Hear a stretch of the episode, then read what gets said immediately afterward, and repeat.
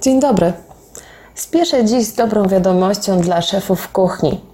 Otóż pojawił się nowy produkt na liście Superfood, który z pewnością polubicie. O tym, czym jest superfood, wiemy prawdopodobnie wszyscy. Regularnie w ciągu roku pojawiają się nowe informacje o kolejnym produkcie, który trafia na listę i jest czymś w rodzaju must have w lodówce. Dla wielu restauratorów, którzy śledzą trendy w gastronomii, to również sygnał do zmiany menu w oparciu o to, co jest akurat modne i trafia na listę produktów superfoods.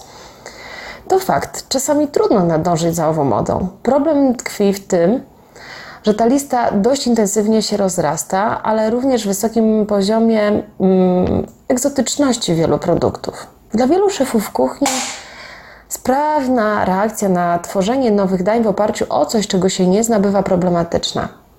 Wierzcie mi, o ile jarmuż czy awokado może jeszcze dawać poczucie bezpieczeństwa kucharzowi, tak wiele azjatyckich produktów, czy chociażby spirulina, budzą obawy o to, jak stworzyć dobre danie z tym produktem. To na szczęście nic złego. Szef kuchni ma się czuć pewnie z każdym produktem, na który pracuje i na pewno ślepo nie podążać za modą. Cieszę się, że idealnie w sezonie, ale wbrew pozorom całkiem przypadkowo na tą listę trafił produkt, który my, Polacy, znamy i kochamy. Otóż za granicą mówi się, że obecnie jednym z najważniejszych trendów w zakresie superfood są grzyby. Tak, nawet wręcz wspomina się, że najbliższy rok będzie rokiem grzybów. I to nie tylko tych leśnych, które akurat w tym roku dostępne są w dużej ilości, ale również te, które będą w restauracji przez cały rok. Jak to było obecne? No właśnie. Mowa o przykład o tych, które będziemy mogli wyhodować sami.